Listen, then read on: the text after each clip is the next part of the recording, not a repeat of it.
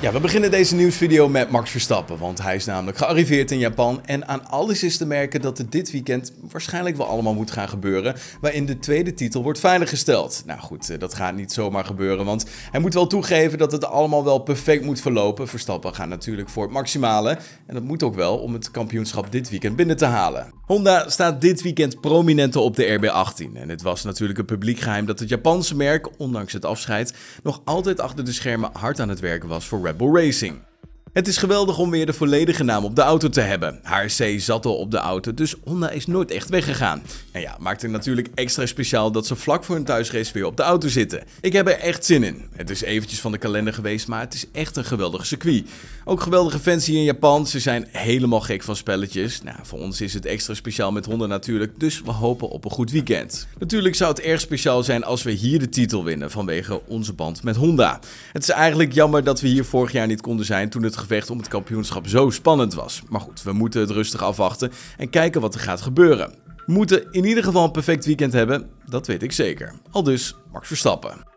Ja, gisteren was de dag dat de VIA informatie naar buiten zou brengen omtrent de budgetcap van 2021. Echter is dit nu verschoven naar volgende week maandag. 10 oktober moet het dan echt gaan gebeuren. Ja, als het aan George Russell ligt, dan worden de teams die zich niet aan het kostenplafond hebben gehouden aangepakt. De Engelsman benadrukt dat het hebben van extra geld altijd extra prestaties oplevert en dat moet volgens hem niet zomaar kunnen. Op de vraag hoe belangrijk het is dat de VIA een passende straf oplegt aan een team dat de limiet van 145 miljoen dollar heeft overschreden, reageert Russell het volgende. Het is niet aan mij om in details te duiken. Ik wacht gewoon af wat de resultaten van maandag zullen zijn. Maar ik weet wel uit onze ervaring binnen Mercedes hoe hard het hele team heeft gewerkt om binnen dat kostenplafond te blijven.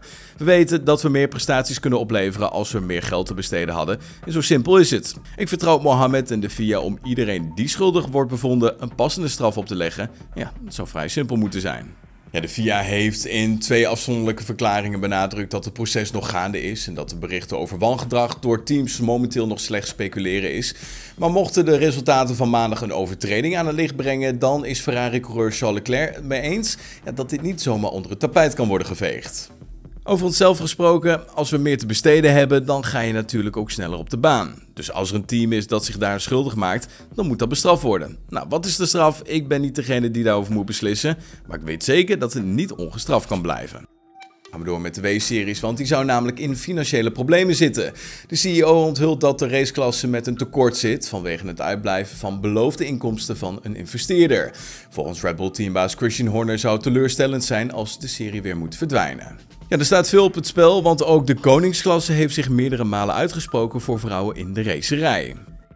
Ik denk dat er ontzettend veel belangstelling is voor meer diversiteit. Niet alleen binnen de Formule 1, maar binnen de autosport. Ik denk dat de W-series daar een heel positief voorbeeld van is. Ja, gelukkig is er op dit moment nog niet een officieel bericht, het zijn al geruchten naar buiten gekomen, dat de W-series het financieel niet meer kan bolwerken. Hopelijk kan er een verstandige oplossing gevonden worden voor de toekomst. En dat is iets wat we met veel belangstelling blijven volgen. Aldus Christian Horner. Was hem dan het GP-fans nieuws van de donderdagochtend. Ik zie je vanmiddag weer. Tot dan. Hoi.